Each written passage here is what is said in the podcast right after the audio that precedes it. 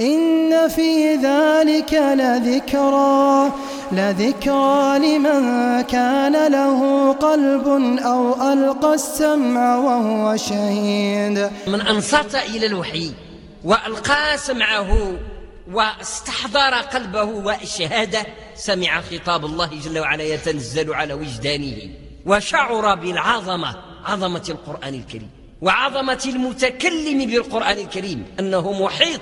بكل هذا الذي يتحدث عنه العقل البشري اليوم من العلم فيصبح آنئذ كل العلم البشري لا يساوي ولا ذرة فيما يتيحه لك القرآن الكريم من مجالات العلم علم الغيب الواسع الممتد